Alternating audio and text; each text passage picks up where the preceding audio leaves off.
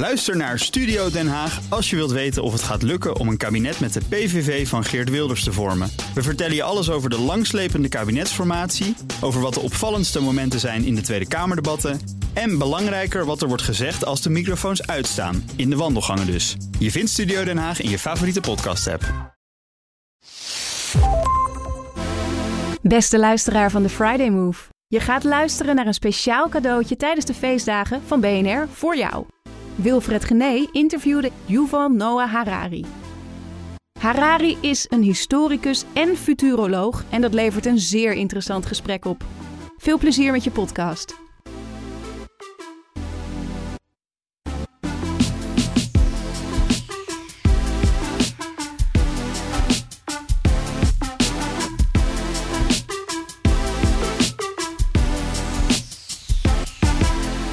Yuval Noah Harari. Met boeken als Homo sapiens, Homo Deus en 21 lessen voor de 21ste eeuw veroverde hij de wereld. Niet alleen verkocht hij tientallen miljoenen boeken met zijn voorspellingen over de toekomst van de mensheid, ook de grote der aarde, zoals Obama, Gates of Zuckerberg, nemen zijn waarschuwingen op het gebied van klimaat, overbevolking, werkloosheid en artificial intelligence uitermate serieus. Dat is een compliment, maar dat brengt ook een bepaalde druk met zich mee. I have to be kind of very careful about what I say, about what I write, because people take it seriously. so, Yeah. you know, when I wrote Sapiens originally, part of what made it easier for me to write, I had no idea it will be very successful. I felt I was writing for myself, for my students, so I could be very playful. Um, and, and now it's much more difficult because you have to kind of really pay attention to, to what you say. Um, you know, I think today in the world we see this emerging uh, uh, trend of authentic leaders or authentic politicians that j- just say the first thing that comes up in, in, in their mind. And this is extremely dangerous. I think that, you know, whether you're a politician or a public intellectual or whatever, if you're a person that many people listen to, then authenticity is very bad. We don't need authentic leaders. No? We need responsible leaders. I mean, you know, politics is not a therapy session. You want to be authentic and say the first thing that comes in your mind, go to a psychiatrist, go, But- go to a psychologist. I mean, that's the place to do it. I mean, as, as a leader, like your words are like seeds that are planted in the minds of millions of people. So you have to be very, very careful. You- need a you need a, a wall. I mean, people love walls today. So you need a wall between your mind and your mouth, and be very careful about what you allow to go out. Are you surprised people take you serious? Um, sometimes, but but you know, I, I got used to it. So you know. And, ho- and how does that feel? That so many people take you serious? Um, so as I said, it, it feels stressful. Um, it places again a lot of, of responsibility.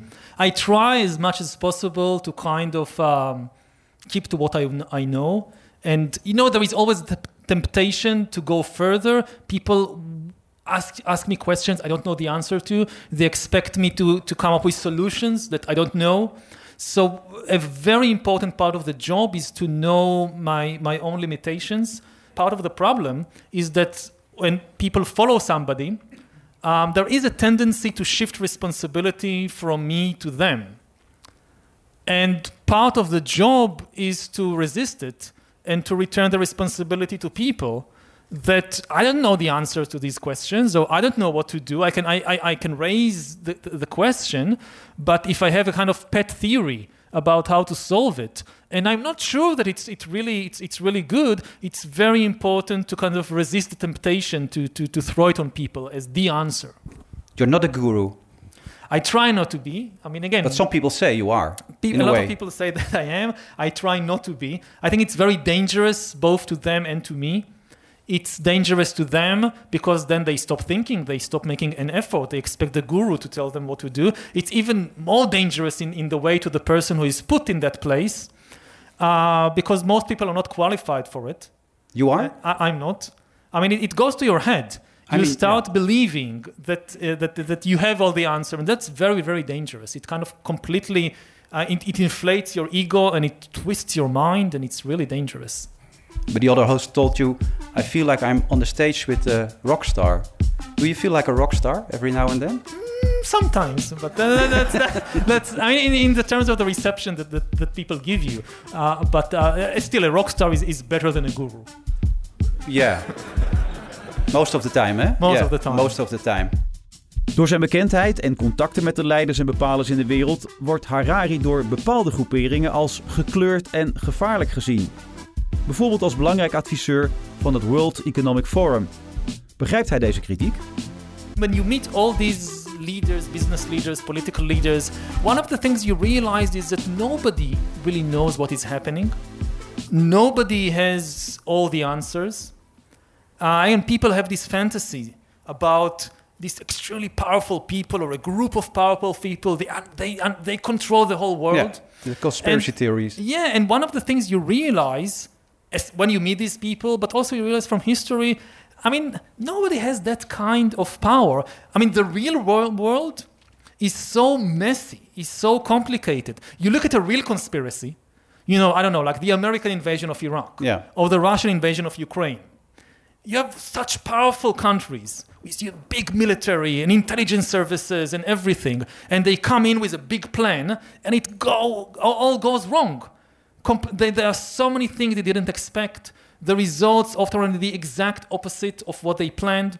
The idea that anybody or any small group of people have so much power and understanding that they can plan like I don't know 10 moves ahead on the global chess player like I don't know they can release a virus and create a pandemic for some kind of economic gain or political nobody is able to do that and the, the, the, the, the uh, uh, historical example that you should come back to are things like the Iraq War. Hmm. You have the most powerful country in the world that getting it completely wrong, and the end result is the opposite of what they planned, what they expected.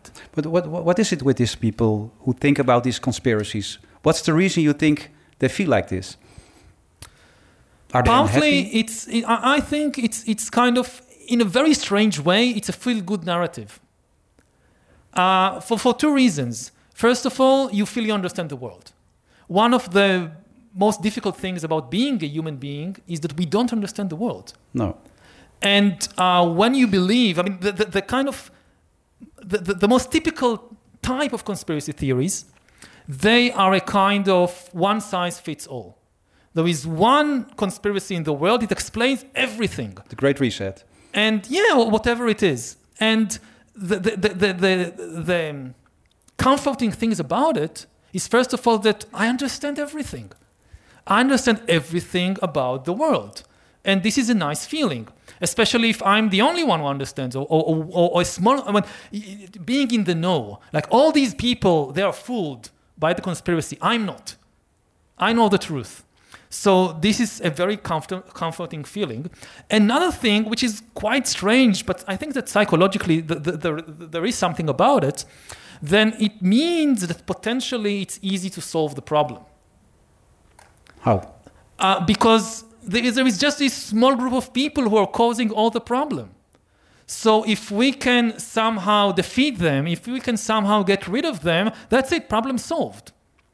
I mean, if you think about the economic difficulties of the world, or you think about climate change, if you imagine that the source of the problem is just one small group of people, again, there is something very comforting about that because it means that the problem is actually not so complicated.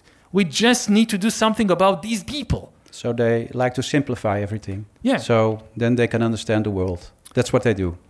Um, in a way. In, you in think. a way, yes. Yeah. And sometimes, I mean, there are also very valid fears which are expressed in, in, in many of these conspiracies. I mean, many of these conspiracies about are about uh, uh, I'm have a lack of control and feeling that I'm being monitored, that I'm being surveyed.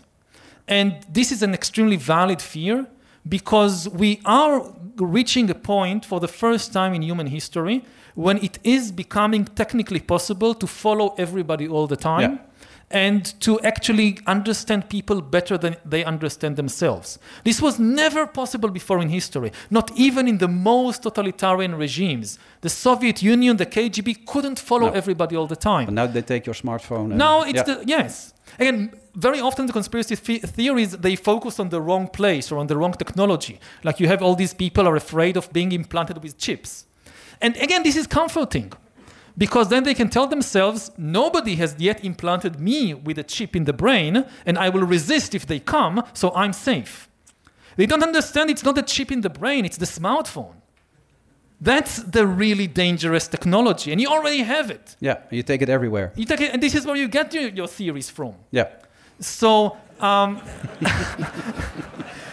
but the, the, the, the, the, the, the kernel of the fear, it's, they are absolutely correct. They should be terrified of this situation of being followed all the time and being monitored. But with this development, is there a possibility in future there could be a small group of people who will be in control of the world then with this technology you're describing? Um, if it happens, everybody will know it. One of the other things that characterizes these theories is that they, they imagine this small group of people as doing two things simultaneously. They control everything and they keep it secret at the same time. Mm-hmm. This is not possible. There are situations in history when a small group of people contr- have enormous power and control maybe not the whole world, but the a whole country. But then everybody knows about it. If I tell you that the CCP or the, the, the, the heads of the Chinese Communist Party, they control the whole of China, did you know? Yes, you, you knew that. Mm-hmm. They have enormous power, they follow everybody, but everybody knows it. It's not a secret. Because usually when you have enormous power, you can't hide it. And very often it's actually a precondition for power is that, the, the, the, you have this publicity. Again, you look at the Soviet Union, so it's not a secret that Stalin is, is the key figure. Part of Stalin's power is this personality cult around him. That in every school, in every office, in every house, there is this image, this icon of Stalin. That's part of his power. So, at least, I mean, when you look at history, it's impossible at the same time to have enormous power and to hide it. You have to choose. You can hide your, you, you, you can be anonymous, but then you don't have much power usually. In een van zijn theorieën waarschuwt Harari voor een generatie van vele miljoenen nuttelozen die hun werk verliezen door robots en technologische ontwikkelingen. Dit geldt dus vooral voor mensen in de arbeidersklasse. De vraag is dan ook of Harari het juiste publiek bedient met zijn boeken en lezingen, die toch vooral gericht zijn op hoger opgeleiden. I talk in all kinds of, of, of, of, of forums. I publish in all like um, I'm now working. I, I publish a graphic novel. I'm now publishing a children's book. Part of the reason is to speak in different kind of you know different levels to reach as many people as possible because we need as many people as possible to be part of the conversation. You know, you have these people who say they have the, this kind of technocratic vision that they say that people who don't have enough education or whatever, they shouldn't be part of, of the process because they don't understand enough. And that's completely wrong. Because the key to taking part in the political discussion is not having a certain level of, conver- of, of education, it's having a certain type of life experience. The problem is that if only, I don't know, people with college education get to be part of the conversation, they can't really represent uh, uh, the experiences and the interests of everybody. But that's happening right now, don't you think so? With all the things you're doing all over the world, most of the people are well educated, maybe a little bit rich. So therefore, it's quite hard to reach the other people. Yeah, it's hard, but this is the job. This is the job of, I think, of public intellectuals. How many times did you tell this story already? Which, one? yeah, the one you did just did here, the one about the, the development and about the education for the kids and things like that. How many Oh, times? Quite a few times. Yes. quite a few times. so then it becomes a story, or it's still the truth. stories are not necessarily untrue. I mean, story is, is, is a kind of, it, it's the form, it's the, it's, it's the structure. One of the problems of, of, of humanity is that fictional stories usually have an inherent advantage Yeah. over true stories. I mean, for two reasons. First of all, the truth is often very complicated. Fiction can be made as simple as you want it. Again, like with conspiracy theories. Like climate change is extremely, I mean, I, I, the, the pandemic. Just to understand what a virus is, it's really complicated because biology is complicated. Like a virus is not even, you know, a- an animal or, or, or, a bacteria. It's not a cell. It's just a package of, of code. It's genetic code that has the amazing ability to infiltrate your cells, hijack the mechanisms of the cell, and produce more copies of, of, of this code. It's hmm. just code. And this is, I mean, this is such a difficult thing to grasp. It's much easier to believe a story that you have a group of billionaires or whatever who created this in order to take over the world. So, one advantage of fiction is that it's, it can be made very simple. Secondly, the truth is often painful, hmm. Is often unwelcome. I don't know, we have now elections in Israel. A politician in Israel uh, that will go around talking about, I don't know, the, the, the, the, suffering that the Israeli occupation inflicts on Palestinians will not get many votes that way. Mensen hebben dus niet zozeer de waarheid nodig, want die is vaak ingewikkeld en pijnlijk, maar vooral fictie en heroïsche verhalen maken het leven overzichtelijk en behapbaar. Maar hoe geldt het nu voor de theorieën van Harari, die met al zijn succes ook een businessmodel is geworden? Are you telling the truth? I try to as much as possible. You're sure. You're sure about it. not always. Again, I try to, as I said in the beginning, I, try to be very aware and responsible about what I'm saying. Um, to give you a guarantee that everything I'm saying is is is is hundred percent true. It's all based on no, and that's that's part of you know part of the responsibility also I think of scientists, but also of democratic institutions, is to always take into account the options that we are wrong. And this is a key characteristic, both of scientific institutions. And be honest about it eh, when you're wrong. That's very important. Be honest say. about it, but Yeah. also leave room Yeah. for your own errors. Assume in advance that you're also making errors. So you have these self correcting mechanisms built in. In science, we have self correcting mechanisms built into every scientific institution. This is what defines them as a scientific institution and not a religion. Religions often don't have any room for self correcting mechanisms. They assume that they have the whole truth, the eternal truth. So it's not like you get a new edition of the Bible every few years. Oh, we discovered some error. We need to change that. Yeah, but, but for some people, your books are a new Bible. Uh, that's very dangerous. Is that dangerous? That's very dangerous. I mean, you know, if I could, I would have a new edition of the book every few years, but it's not, it's not workable. Um, and at some point, you just need to leave it aside and, and, and, But it has become business as well. You have your own corporation, Sapienship. Mm-hmm. Yeah. have people working for you. yeah. Uh, how authentic can it be then still if it's I'm- getting that as big? I said, I, I- I don't want to be authentic. I want to be responsible. It's a very different thing. yeah. and um, again, you need to, to play the game. That you know, you want to play football, you need a team. You know, you know, you, you want to play in the world today, you need a corporation or some other kind of organization. You to make a change in the world, I think institutions are key. 50 people who work together in an institution, an organization, a corporation, however you call it, can make a much bigger change than 500 individual activists, Yeah. each trying to do their own thing. We have to work together, like you, You have to always work say. together. That's And- one of the solutions for the problems in the next coming years, isn't it? Uh, yeah, absolutely. Yeah. What's your responsibility in that then? You say it's my responsibility. How do you describe your responsibility then? Um, not just me again, but my, my uh, uh, our organization, we define our purpose as uh, focusing the global conversation on the most important problems.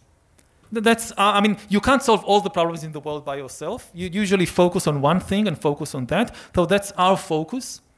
And we think that part of the issue in the world is that people often get their priorities wrong they focus on problems which are real problems but much lower down the, the, like you know like i don't know I think terrorism.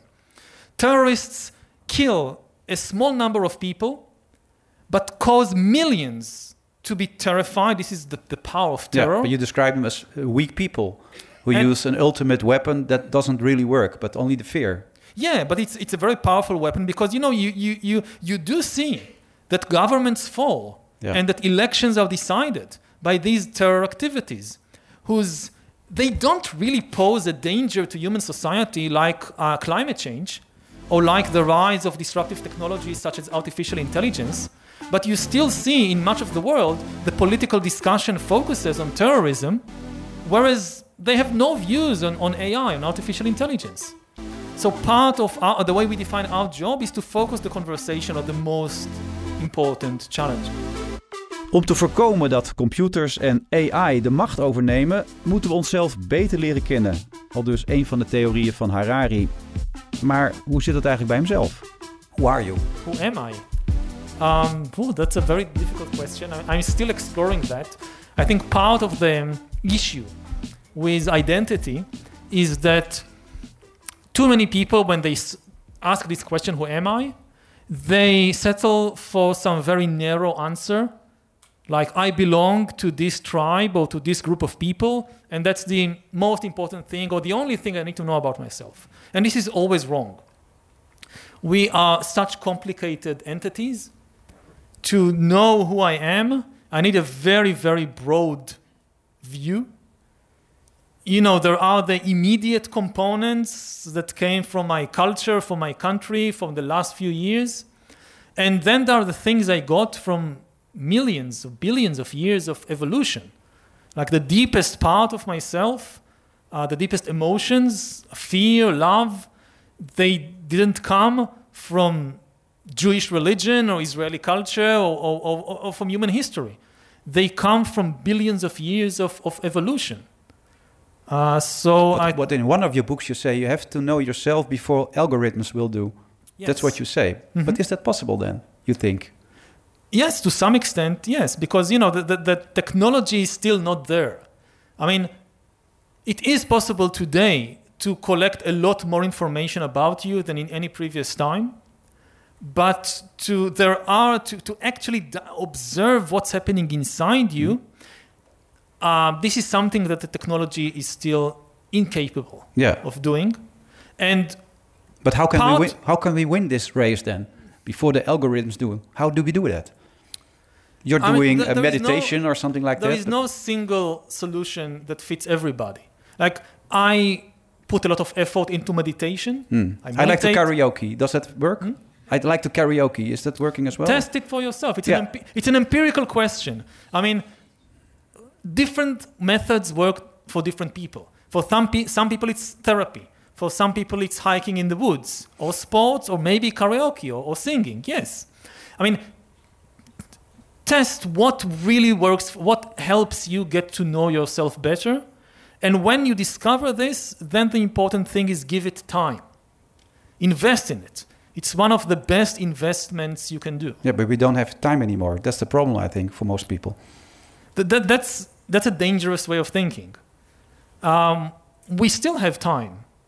Not all, no matter who you are, it's not like the entire world is just on, on you, on, on, your, on your shoulders. And if you don't, uh, if you don't have kind of time to just explore, to just observe, then we are living in a very toxic information world. And we need time to detoxify our mind. The same way that we need time, I mean, we need time to, to rest our body, to clean it, to feed it. We, we, we, we, we, uh, we, we can't function otherwise. It's the same thing, thing with our mind. We also need to give our mind times for rest. We need to give it a good diet. We need to give it uh, an ability to detoxify itself from all the toxic information out there. And if we don't do that, then we are not being more efficient. We are uh, being self destructive. Yeah. Your your husband is very important to this as well. Yeah. For 20 years, you're very very happy. You don't have kids, do you? We don't have kids. No. No. Do you feel bad about that? No. No. It's, it never crossed my mind, really. I mean, it's not like I made this big decision. It's, if I didn't know that people are doing it, I would never have thought about it myself. you know, it's like I never decided not to have a whale. Why not? I don't know. I, I just never crossed my mind that maybe I'll have a whale. So I, it also not. I mean, again, other people uh, they make their own decisions. I think the really big question about having kids is why do we do it? yeah. that some people they are doing it as a kind of extension of themselves like they have again this huge pile of things they are carrying and they want to pass it on to somebody i have my again and my, my, my projects my uh, uh, uh, hopes my hatreds my wars my religion my whatever and it must continue after me. So I have these kids, and I take all this baggage from my head, and I tell them, now you carry that. and I feel good about it. And that's a bad reason to have kids. I think a good reason to have kids is that you are there to help them get rid of their baggage, not to kind of burden them with your baggage. If that's the, the, the, reason, then, then that's a wonderful thing. Geen kinderen dus voor Harari en zijn partner. Wat is dan straks zijn erfenis? What's your legacy so far, you think then? I think the most important legacy is to um, leave behind good self-correcting mechanisms, whether as an you know as an institution, as a country, as an individual, because this is the key. It goes back to what I said about leaving room for error. Whatever we do, whatever we say, there is a lot of error in there. So a very important thing is to leave behind good self-correcting mechanisms. You know, I think about I don't know U.S. history. So today it's very very common to talk about the founding fathers of the United States as you know they're racists, they were misogynists, the, many of them had slaves, and, and so forth and and it's all all true. But they did one very good thing. They left behind strong self correcting mechanisms that enabled their own descendants to eventually correct at least some of the mistakes of the founding fathers themselves. And this, I think, is a very good model for everybody because we don't know what we are doing. If, if we knew our errors, we would correct them, but, but we can't. So, whatever we leave behind, it should include, as an integral part, a self correcting mechanism to enable the next generation to, to go beyond us, to correct our own mistakes. Praten met Yuval Noah Harari is een uitdaging. Hij vertelt zijn verhalen vol vuur en overtuiging en glipt er verbaal gemakkelijk tussendoor. Of zoals hij zelf zegt, you need to play the game. En dat kan hij als geen ander. Door het grote succes zijn zijn theorieën ook een businessmodel geworden. Zeg maar gerust big business. Het blijft daardoor enigszins onbevredigend dat hij niet met echte oplossingen komt. Al probeert hij wel het vertrouwen uit te stralen dat die oplossingen er wel zijn. part of the thing we need to realize is the enormous power that we have. That if you think again, if you think about the pandemic, if you think about climate change, about things like that, first of all, we need to realize we have the power to solve them, which is not self evidence. For Even much with of the stories you're telling us, with all those people who are not useful anymore and things like that, we can salute, we have to find a solution for that. Yes, this is not a prophecy that it is inevitable it will happen. It's, it, it would happen if we make bad decisions. But we have the capacity to make better decisions. I mean, the point about uh, talking about the future is not to make predictions and then be very proud if your predictions come true. What's the point? I mean, to predict something that you can't change, it's not helping anybody. The main job is, you know, to point a finger at some dangerous scenarios in order to encourage people to prevent them. And when then these scenarios don't happen, and people come and say, "But all your all your predictions didn't uh, uh, uh, didn't come true," that's the good case. That you you kind of it's not a prediction; it's a warning, and and, and you're happy when your warning doesn't come true. Obama said, yes, we can. Can you say the same today? Yes, we can? We still can. We don't have a lot of time. We don't have a lot of time. Whether it's climate change or whether it's regulating artificial intelligence, we have very little time left. It's the next 10, 20, 30 years. Uh, uh, we, we need to tackle these, these problems and, and, and- solve them. We can on both fronts. But we are aware enough of that? Not yet. Not yet. Not yet. But therefore, we have you. Yeah, with, with climate change, we have growing awareness, but still not enough action. With the dangers of new technologies like AI, we still don't have enough awareness. It's still not a political issue. Uh, so that's the job of philosophers, of historians, of public intellectuals to, to point a finger at it and say this is a very, very huge danger. Yeah, you're still working on your legacy then. Yeah. Good luck with that, Mr. Harari. Thank you very much. Thank you.